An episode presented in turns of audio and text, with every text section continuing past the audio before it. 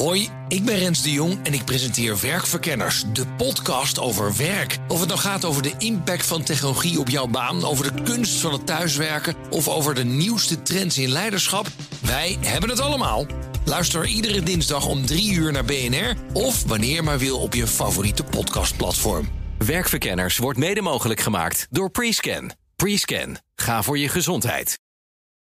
De BNR Techniek Tour wordt mede mogelijk gemaakt door Techniek Nederland. De makers van morgen. BNR Nieuwsradio. De BNR Techniek Tour. Thomas Schuurman.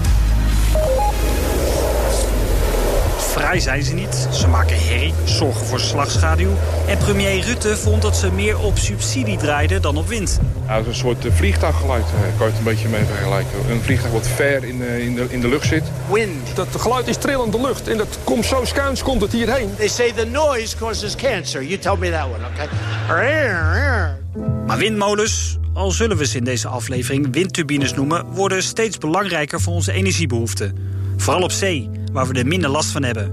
Nederland is daarin aanjager. Iedereen wil groene energie, maar niet in zijn eigen achtertuin. Windenergie heeft de wind in de zeilen. Ontwikkelingen gaan hard. Hoger, groter, efficiënter en dus ook een lagere prijs. Deze aflevering van de BNR Techniek Tour gaat dus over... Zie ik daar nou windmolens? Windturbines. Uh, Klaas Guldi van uh, Green Trust. Uh, adviesbureau op het gebied van duurzame energie in Oosterbeek. en hier aangesteld bij Windpark Krammer als contractmanager. En verantwoordelijk geweest voor de aanbesteding van alles wat los en vast zit bij het windpark. Bij de Krammersluizen, Bruinisse Zeeland zijn we dan... staat het grootste particuliere windmolenpark. Een initiatief van twee coöperaties met een achterban van 5000 particulieren.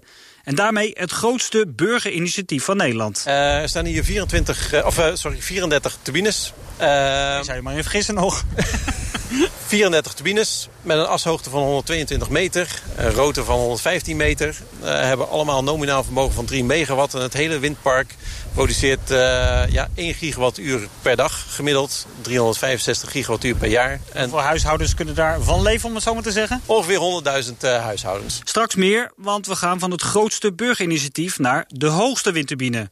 Die is een aanbouw op de Maasvlakte. Deze gaat heel groot worden. Al is het een prototype, de windturbine is voor op zee bedoeld. We praten er met Jan-Willem Wagenaar van TNO. Tiphoogte zal uiteindelijk zijn 260 meter. Ja. Wereldrecord. En als we naar de mast kijken, want die staat er al... Het ziet er nog... Ja, het is een imposant ding, maar... Is die zo groot? Is dit ook de grootste mast bijvoorbeeld?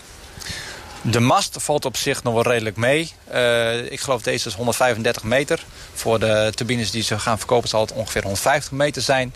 Het is ook een beetje optisch. Uh, ja, hij is redelijk stevig, redelijk dik. Dus dan lijkt het ook een klein beetje groot. Maar het is best ja. nog wel groot hoor. Ja. Waar zijn de wieken? Uh, in het jargon hebben we het over de bladen. de bladen zijn nog in de fabriek in, in Noord-Frankrijk. En die komen in een paar weken van nu. Ja. En hoe groot zijn die? de bladen zijn 107 meter per stuk. Uh, dat maakt in totaal met uh, de hub waar de bladen aan vastkomen... Ja. tot een uh, diameter van 220 meter. Ook een record. Ja, dat, dat maakt hem dus gigantisch. Ja, echt, echt gigantisch groot. Maar betekent het ook dat we een recordvermogen hier ermee uitkrijgen? Deze turbine gaat 12 megawatt leveren. En inderdaad, dat is een, dat is een record. toch las ik dat in Duitsland ook al zo'n enorm gevaarte staat. Die gaat ook richting de 250, 260. Waarom is dit dan de grootste? Uh, deze is in meerdere opzichten de, de grootste. Uh, wat ik net al noemde, het, het maximale vermogen, 12 megawatt. Er, er is geen groter wat dat gebied, dat gebied. Deze is ook de grootste in termen van rotordiameter. 220 meter. dus zelfs dat is die van in Duitsland ook niet het geval. wat, wat waarschijnlijk die in Duitsland groot maakt, is de mast. Mm -hmm. hoe hoger de mast, voor meer wind. Dat is dan ook een voorbeeld van een onshore turbine. Daar zie je dat wel, wel vaker. Een grote mast met een nou ja, ten opzichte van een offshore turbine wat een kleine rotor. Deze turbine is voor offshore wordt ontwikkeld. Ja. Uh, daar... Zij hoeft niet zo uh, enorm de hoogte in. Nee. Dus overal wel wind. Uh, precies. Een grote rotordiameter is daar belangrijker. Masthoogte is er iets minder belangrijk. Op de Maasvlakte wordt vooral getest. Wat gaat de wind met die enorme bladen doen? Die vakwerkconstructie die we hier zien, uh, daar zitten de windmeters in. Cupaneometers, windvanen, die meten de wind. Dus een paal van hoe lang ongeveer, hoe hoog?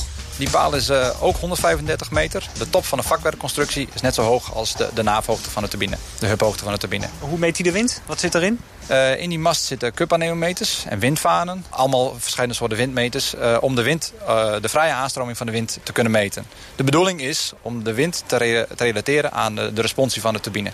Uiteindelijk willen we weten hoe die op alle, allerlei verschillende soorten winden... hoe die daarop reageert. Allerlei verschillende soorten windsnelheden en turbulentieniveaus. Dus de bedoeling is om dat hele spectrum uiteindelijk in kaart te brengen met met de metingen. Maar jullie doen het ook op een andere manier. Er staat nog een, een klein dingetje, een stukje lager ook. Wat is dat? Ja, klopt. Dat is een, een LIDAR. Dat is een meettechniek die gebruik maakt van lasertechnologie. Een laserbundel wordt in de lucht geschoten, uh, reflecteert op uh, deeltjes in de lucht die met uh, de wind meewaaien. En uit de reflectie, uit het Doppler-effect, kun je de windsnelheid halen. En hoe ver kan die komen? Dit is een vrij krachtig systeem en die kan tot, kan tot 6 kilometer ver meten. Dus en kan hier tot 6 kilometer de zee op gaan? Ja, en alles ertussenin. En waarom meten jullie op twee verschillende manieren de wind? De vakwerkconstructies met de cup-anemometers, dat is de industrie standaard. Dus dat is wat we gebruiken in het uh, certificeringstraject en voor de validatie. Daarnaast is uh, windmeten met, met LIDAR is in ontwikkeling. Daar doen we nu onderzoek mee en onderzoek uh, uh, voor de turbine. en dat is nog een stukje onderzoek. Ja, maar dat is waar het misschien naartoe gaat straks? dat verwacht ik wel, dat het daar naartoe gaat inderdaad. Omdat het preciezer is? Het voordeel van meten met laserlicht is dat je... Ja, je hebt één, geen vergunning nodig om een vakconstructie uh, te, te, bouwen. Ja, die gaat er 100 meter de lucht in. Inderdaad. Uh, voordeel 2 is dat je bent niet gebonden aan één punt. Hè. Een cup-anemometer meet de windsnelheid op één punt. Terwijl met een laser hier kun je elke willekeurige richting uitsturen. Uh, wat nog een punt is dat opgelost moet worden... is een, een goede calibratiemethode. Uh, en ook ja, de ontwikkeling in de normen. Hè, dat, dat, dat kost tijd. Hoe die krachten gemeten worden op de bladen, dat verandert ook. Niet langer een kwestie van wat sensoren, zegt Wagenaar van TNO. Uh, we gaan nu met optische technologie, fiberoptische technologie... daar gaan we gebruik van maken. Laserlicht wordt door een fiber gestuurd uh, naar een locatie uh, waar je direct wilt meten. Uh, en het voordeel daarvan is dat je hebt geen elektrische componenten nodig. Kan gevoelig zijn voor, voor blikseminslag met deze nieuwe materialen van de bladen. Een ander voordeel is dat je, laten we zeggen, met één setup van, van, van de techniek meerdere aspecten kunt meten. Zowel versnellingen als, als rekken als ook temperaturen. En de potentie van fiberoptisch meten is dat het robuuster kan zijn, moet zijn. De toekomst van windenergie ligt vooral op zee. Maar ook op land staan talloze parken in het zicht. Krammer Windpark dus bij Bruinisse. Een particulier initiatief waar grote bedrijven ook instapten, vertelt Klaas Schuldi. Deel van de stroom gaat bijvoorbeeld naar Google, AXO en Philips en DSM. Nou, dat zijn ook wel grote spelers hier in Nederland... Ja. die dit ook wel als een uh, ja, icoon binnen hun portfolio zien. Dat zij ook met deze stroom weer mooie uh, groene producten kunnen maken. Uh, het is winderig, het is nat. Kortom, een ideale dag voor u? Zeker. Ja. Dat mag elke dag zo zijn. Aan de andere kant, we staan hier bij een van jullie turbines. Welke is dit? Dit is nummer 32. Uh, deze staat vlak bij de uitkijktoren op het Krammersluizencomplex. Ja. Dat is ook wel uniek van deze locatie. Krammersluizen, even voor de niet-kennis. Waar ligt die precies in Zeeland? Uh, bij Bruinisse. Eigenlijk op de scheiding van Zuid-Holland en Zeeland. Ja.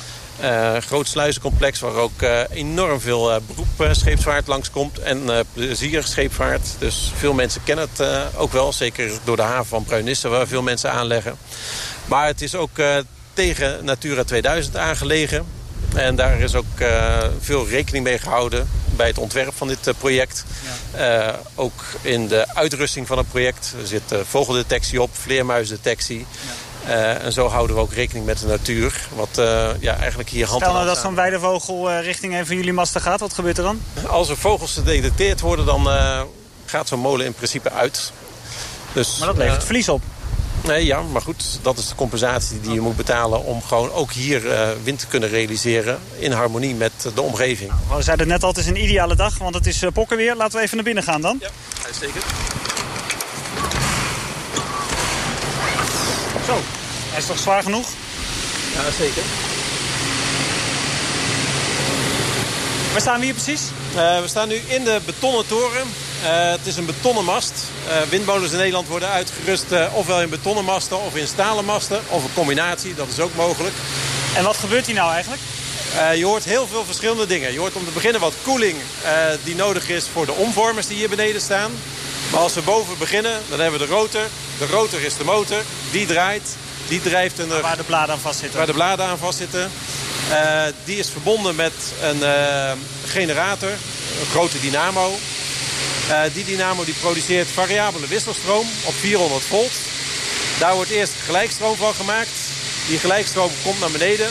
En hier beneden wordt er weer nette 50 hertz wisselstroom van gemaakt. En vervolgens opgetransformeerd tot 33.000 volt. En dan gaat het naar het onderstation een stukje verderop. En daar wordt het weer verzameld. En wordt er uh, 150.000 volt van gemaakt. Er wordt opgetransformeerd en gaat het naar Middelharnis. 10 kilometer vandaan. Ja, 13 kilometer hier vandaan. Ja. En daar gaat het hoogspanningsnet van Tennet op. Maar je hoort hier dus koeling. Je hoort af en toe dat hij kruidt. De molen die uh, zoekt uh, de juiste windrichting. Hij meet ook continu de wind en de windrichting. Hij kruidt, hij pitcht, hij koelt. Uh, dus je hoort een hele hoop verschillende dingen tegelijkertijd. Hij zoekt de, de, de windrichting en dan? Ik bedoel, dan, dan weten we dat hij uit het noorden komt en dan? dan kruidt hij naar het noorden toe. Dan staat hij echt met zijn rotor in de wind en de bladen in de wind. Draai je dus ook? Ja, ja. En 360 graden draaibaar? Ja, ze kunnen een keer of eh, twaalf om een as draaien. Daarna is de kabel echt getordeerd. Dan moet hij weer ja, een twisten noemen we dat. omdraaien. Ja. En dan draait hij weer terug. Maar goed, de wind draait niet altijd in rondjes om de mast heen. Hij draait ook wel weer eens terug. Dus dat komt een paar keer per jaar voordat hij weer echt een keertje moet onttwisten. Daar heb ik echt nog nooit bij stilgestaan inderdaad. Maar als hij uit een bepaalde richting komt, ja, dan moet hij ook goed gevangen kunnen worden. Dus je moet kunnen draaien. Ja, daar heb nog nooit bij stilgestaan. Uh, ja, hij doet heel veel dingen automatisch. een windvaan bij wijze van spreken. Het is een grote windvaan. Het is een grote windmeter. Hij meet de wind ook. Ook hard het waait. Uh, ook bij uh, extreme stormen zal hij ook daar wat van vinden. En op, ja, bij ja, 150 km per uur gaat hij ook een keertje uit. Om veiligheidsredenen. Dat is iets wat bijna nooit voorkomt. De bladen draaien ook over een lengterichting. Hij zoekt eerst de juiste windrichting. Dan gaat hij de juiste kant op staan. En dan zoeken de bladen ook nog de juiste hoek... dat hij bij eh, de juiste windsnelheid de meeste energie uit de wind haalt. Allemaal leuk en aardig dat windturbines steeds meer kunnen. Ons netwerk kan het alleen amper aan. De oplossing? Cablepooling. BNR Nieuwsradio. De BNR Techniek Tour. Daar bent u weer, welkom terug. Windturbines worden hoger, efficiënter. Dat hoorden we al in het eerste deel. Het systeem ontwikkelt zich razendsnel. You take a ball and you throw it. When you catch it, you absorb some of the energy. So you can think of wind as it's blowing as lots of these little, let's call them fluid particles, and they all are moving at some speed. And if you bring them to rest, you're going to absorb the energy. And when it spins, it's turning a generator and that generator is what produces the electricity. So it's going from kinetic energy to mechanical energy, the thing that's spinning. And then from mechanical energy to electrical energy. We zijn terug op de Maasvlakte, waar een prototype van de hoogste windturbine ter wereld wordt gemaakt. Jan-Willem Wagenaar doet namens TNO mee. Ja, voor wie wel eens naar eh, Formule 1 kijkt, naar Max Verstappen weet dat aerodynamica nogal belangrijk is hè, voor alles dat snel gaat uh, door de lucht. Uh, weten jullie daar, hoeveel weten jullie daarvan als het gaat om windturbines? Uh, best veel. ben ik niet zo bescheiden om te zeggen. Onze groep heeft een, eh, een goede track record op het gebied van, eh, van aerodynamica. Heeft uh, recentelijk nog een heel groot Europees project geleid. Wat heeft gekeken naar 10, 15 megawatt uh, turbines. Dat is publiek onderzoek geweest. Ongetwijfeld zal deze fabrikant GE daar ook gebruik van hebben gemaakt. Mhm. Andersom, we doen hier metingen aan. Uh, en dat brengt ook weer de kennis uh, en kunde bij ons. En dat stelt ons in staat om hierna nog grotere windturbines te kunnen ontwikkelen. Ja. En hoe staat het met wat materiaal? Wat voor materiaal wordt gebruikt voor die bladen? traditioneel wordt bladen gemaakt van, van glasvezel. De ontwikkelingen zijn zo, de, ze moeten alle krachten kunnen opvangen. Ja, mag hopen. ja, zeker. Ga dan maar naar beneden donderen. Dat moeten we niet hebben. Uh, aan de andere kant worden ze wel steeds groter. Dus aan de ene kant wil je steeds grotere bladen... terwijl de krachten onder controle uh, gehouden worden. Ja. Een van de technieken naast een goede dynamica is ook om andere materialen te gebruiken. Bijvoorbeeld iets meer, uh, meer carbon. Mm -hmm. Dat is duidelijk ontwikkeling van, van de fabrikant. Ja. maakt het lichter en sterker? Inderdaad, het maakt het lichter en sterker. nogmaals, de uitdaging is om bij steeds groter wordende rotoren de krachten uh, op de hub, daar waar de bladen vastzitten, onder controle te houden. Dan stappen we even de auto in van Klaas Schuldi van Windpark Krammer. Die turbines staan van hun niet in zee. En acceptatie blijft dan een belangrijk thema. Niet alleen omdat ze zo zichtbaar zijn en herrie maken. Je hebt hier natuurlijk ook uh, geluidsoverlast van, al is het beperkt. Uh, slagschaduw wordt rekening mee gehouden. Want als die dingen draaien, dan uh, kan dat af en toe ook vervelende flikkeringen veroorzaken. Maar er wordt ook rekening mee gehouden door de computer die erin uh, zit. Dus daarmee wordt Want ook... hoe kun je daar rekening mee houden dan? Hoe je hem plaatst? nee, we rekenen uit wanneer er slagschaduw optreedt bij een woning. Ja. Dus er zitten sowieso lichtsensoren in, op zo'n molen. Die meten of er sprake is van bewolking of zon als er zon is en de molen is in een bepaalde richting gekruid. Wat we toen net bespraken. En dan kan hij ook uitrekenen of dan weet hij of er wanneer, uh, op welke dag, op welke tijd van het jaar er eventueel slagschaduw op een raam valt. Dat wordt van tevoren allemaal uitgerekend, geprogrammeerd. En dan stopt hij meestal een kwartiertje of zo. Mhm. En daarna gaat hij weer verder. Aha. Maar dan heb je binnen een huis tenminste niet die overlast. Ja. Hoe zorgt u er nou voor dat die acceptatie ja, er toch meer is? Nou, dit burgerinitiatief verbindt mensen al meer met uh, zo'n windpark. Er valt wat te verdienen, wat voor iedereen natuurlijk uh, belangrijk is. Maar je merkt ook dat als je hier een open dag houdt... dat heel veel mensen eigenlijk het gros het eigenlijk een mooi product vindt. Mensen worden weer trots, het is een beetje van hun. Um, ze vinden de techniek interessant. met zo'n open dag zorg je er ook voor dat ze snappen wat er gebeurt. Hoe je rekening hebt proberen te houden met de omgeving. En dat zorgt ook gewoon voor meer acceptatie. Wat kunt u doen tegen geluidsoverlast? Ja, voldoende afstand nemen. Maar je ziet hier bijvoorbeeld op de molens ook al... en daar staat de techniek ook niet stil. Hier zitten een soort uh, uh, uilenveren op aan de achterkant. Dus uilenveren? Ja, daar vergelijk ik ze altijd maar mee. Een uil maakt ook bijna geen geluid als je door de lucht heen gaat. Nee. En dat proberen de windturbinefabrikanten nu een beetje te simuleren... door uh, kleine kartelingen aan de achterkant van het blad aan te brengen. Uh, daar treedt de meeste turbulentie op. Want turbulentie is geluid. Mm -hmm. En met deze, uh, ja, noem maar uilenveertjes of kartelingetjes... wordt ook gewoon de turbulentie weer verlaagd... en maken ze gewoon minder herrie. En kunt u ook al zeggen hoeveel minder? Het scheelt een paar decibel. decibel. Ja. Maar je zult een soort zoef ja, blijven horen. Ja. Dank Klaas Schuldi van Windpark Krammer. De grootste ontwikkelingen zullen op zee zijn, vertelt Wagenaar van TNO. Uh, ja, dat gaat heel snel. De ontwikkelingen volgen elkaar heel snel op uh, offshore. Als je ziet bijvoorbeeld naar uh, de tenders ehm, voor, voor Hollandse kust en dergelijke... ja, daar wordt eigenlijk rekening gehouden met een turbine die nog op de markt moet verschijnen. De ontwikkelaars proberen zo goed, zo goed mogelijk eh, bod neer te leggen. En de industrie speelt daarop in door daadwerkelijk die grote turbines te maken. Maar uh, ja, dit is de eerste die boven de 10 megawatt uh, is. De, de concurrentie Siemens heeft ook al een 10 megawatt aangekondigd. Uh, en, en we weten ook zeker dat dit niet de, de grootste ooit zal zijn. Nee, Deze... Hoeveel rek zit er nog in? Gok ik bedoel, gaan we naar de 20? Ik zeg maar even wat. Het 10 was eerst magisch. gaan we nu naar de 20? Nou, dat is een hele goede vraag. Ehm, dat weten we niet precies. We weten wel dat het groter wordt. Hoe groot, dat is nog een interessante vraag. Betekent dat ook dat windenergie makkelijker in onze energiebehoeften gaat voorzien? Uh, de doelstelling is om in 2050 een volledig duurzaam energiesysteem te hebben, CO2-vrij. Windenergie zal daar een belangrijke pijler in zijn, dat is duidelijk. Uh, om een voorbeeld te geven, het is de doelstelling om in 2050 ongeveer uh, 60 gigawatt geïnstalleerd uh, vermogen aan windenergie op de Noordzee te hebben. Ter vergelijking, nu is dat 1 gigawatt. Dus dat betekent dat in 30 jaar tijd uh, zal het, uh, het, aandeel windenergie nog 60 keer zo groot zijn uh, op de Noordzee. Ja, en willen we dat ook betalen? Want ja, het is geen goed, goedkoop gevalletje wat er staat. Ja, naast... We hebben het over, wat zal het zijn? Uiteindelijk een paar miljoen? Klopt. Naast per windturbine? Naast de, de, de verduurzaming waar we onderzoek naar doen, kijken we ook naar de kosten daarvan. Een van de manieren om de kosten zeg maar, naar beneden te brengen... is juist om naar steeds grotere turbines te gaan heel simpel geredeneerd, uh, als je een paal in de zee moet slaan... Uh, ja, dan kun je er net zo goed een uh, zo groot mogelijk turbine opslaan. Er moet nog steeds één paal in. en er moet ook nog steeds één onderhoudsschip in om te onderhouden. Is een beetje simplistisch natuurlijk, maar het spreekt wel tot het beeld, denk ik. U hoorde Jan-Willem Wagenaar. Windenergie, oftewel hernieuwbare energie, moet een lange weg gaan. Van transformator tot uiteindelijk de 230 volt in uw stopcontact thuis. De druk op dit systeem neemt toe. Daarom moeten de verschillende vormen van hernieuwbare energie efficiënter omgevormd worden, vertelt Martijn Bongaerts van netbeheerder Alliander.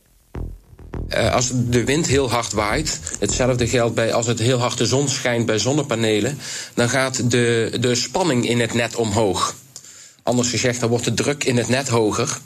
En uh, waar we als netbeheerder voorheen uh, de problemen oplosten met heel veel kabels te leggen of een transformator erbij te plaatsen, zouden we ook gebruik kunnen maken van die omvormer die in een windturbine zit. Want die omvormer zou ook de spanning kunnen regelen. Ja, die omvormer die kan dan, die kan dan de, de, de spanning omlaag brengen. Lokale opwekking van zon- en windenergie levert nu dus al een zware belasting op op elektriciteitsnetwerken. Cablepooling zou een oplossing zijn. Daar waar opwekker en gebruiker samenkomen. De wind waait, de zon schijnt en dat is goed nieuws. Want hier staat een windmolen en heel veel zonnepanelen... en die zitten gekoppeld op één aansluiting. Een bijzondere innovatie die we cablepooling noemen. Dus door gebruik te maken van dezelfde aansluitkabel... Uh, hoeven wij minder kabels aan te leggen... En kunnen de aansluitkosten van de, van de klant ook omlaag. En het grappige is, als je naar zon en wind kijkt, dat die ook heel goed gebruik kunnen maken van dezelfde aansluiting. Ook al zijn het allebei opwekkers. Maar de, de tijd dat een windturbine en een zonnepaneel op hetzelfde moment hun maximum stroom opwekken, die tijdstippen zijn heel erg beperkt. Dus als je de momenten dat de, de zon vol schijnt en de wind flink waait, als je op dat moment heel even een beetje de zonnepanelen of de windturbine zou, zou terugschroeven, kunnen ze het overgrote deel van de tijd gewoon samen gebruik maken van één aansluiting. De toepassing hiervan is echter nog beperkt. We hebben een aantal voorbeelden, uh, maar dan zie je heel vaak uh, uh, dat de wind en de zon bij dezelfde eigenaar zit. Dus het is dezelfde ontwikkelaar van zon en wind. En dan is het ook één rechtspersoon die, die eigenaar is van de aansluiting. Maar je ziet heel veel wind- en zonontwikkelaars. ja, dat zijn verschillende rechtspersonen. En die, die combineren op dit moment nog niet heel erg prettig. Nee, omdat het dus een juridisch verhaal is. techniek te maken. Ja, dat is een juridisch, uh, uh, financieel uh, risico. Van wat gebeurt er als de ene failliet gaat? en er is ook bijvoorbeeld maar één van de twee partijen is de contractant van de netbeheerder. Dus hoe regel je dat nu met elkaar? En daar, daar hebben we nog, uh, nog niet een eensluitende oplossing voor. Nee, er wordt nog heel veel over gesproken dus. Ja, ja. En je ziet al dat de druk op de, op de, op de netten al heel erg uh, groot aan het worden is. Er zijn al gebieden waar in principe uh, weinig decentrale opweg weer meer bij kan. Uh, en door uh, meer te cablepoelen ga je veel meer gezamenlijk gebruik maken van de capaciteit die er is. Dus dat zou kunnen helpen in de, in de hoeveelheid duurzame energie die we krijgen. Financieel aantrekkelijk, maar er wordt dus nog maar beperkt gebruik van gemaakt. Ja, ik vind het heel dom om, om kabels in de grond te stoppen die je eigenlijk technisch gezien bijna niet gebruikt en die dus niet nodig zijn. Dus de capaciteit die we dan uh, hebben, laten we die dan ook zinnig uh, in de grond leggen. Dank Martijn Bongaerts van netbeheerder Alliander. Daarmee zit deze techniek toe erop. Dank voor het luisteren. En terugluisteren kan natuurlijk ook. Dat weet u via de site of de app. De BNR Techniek Tour wordt mede mogelijk gemaakt door Techniek Nederland. De makers van morgen. Hoi, ik ben Rens de Jong en ik presenteer Werkverkenners, de podcast over werk. Of het nou gaat over de impact van technologie op jouw baan, over de kunst van het thuiswerken of over de nieuwste trends in leiderschap, wij hebben het allemaal. Luister iedere dinsdag om 3 uur naar BNR of wanneer maar wil op je favoriete podcastplatform. Werkverkenners wordt mede mogelijk gemaakt door Prescan. Prescan. Ga voor je gezondheid.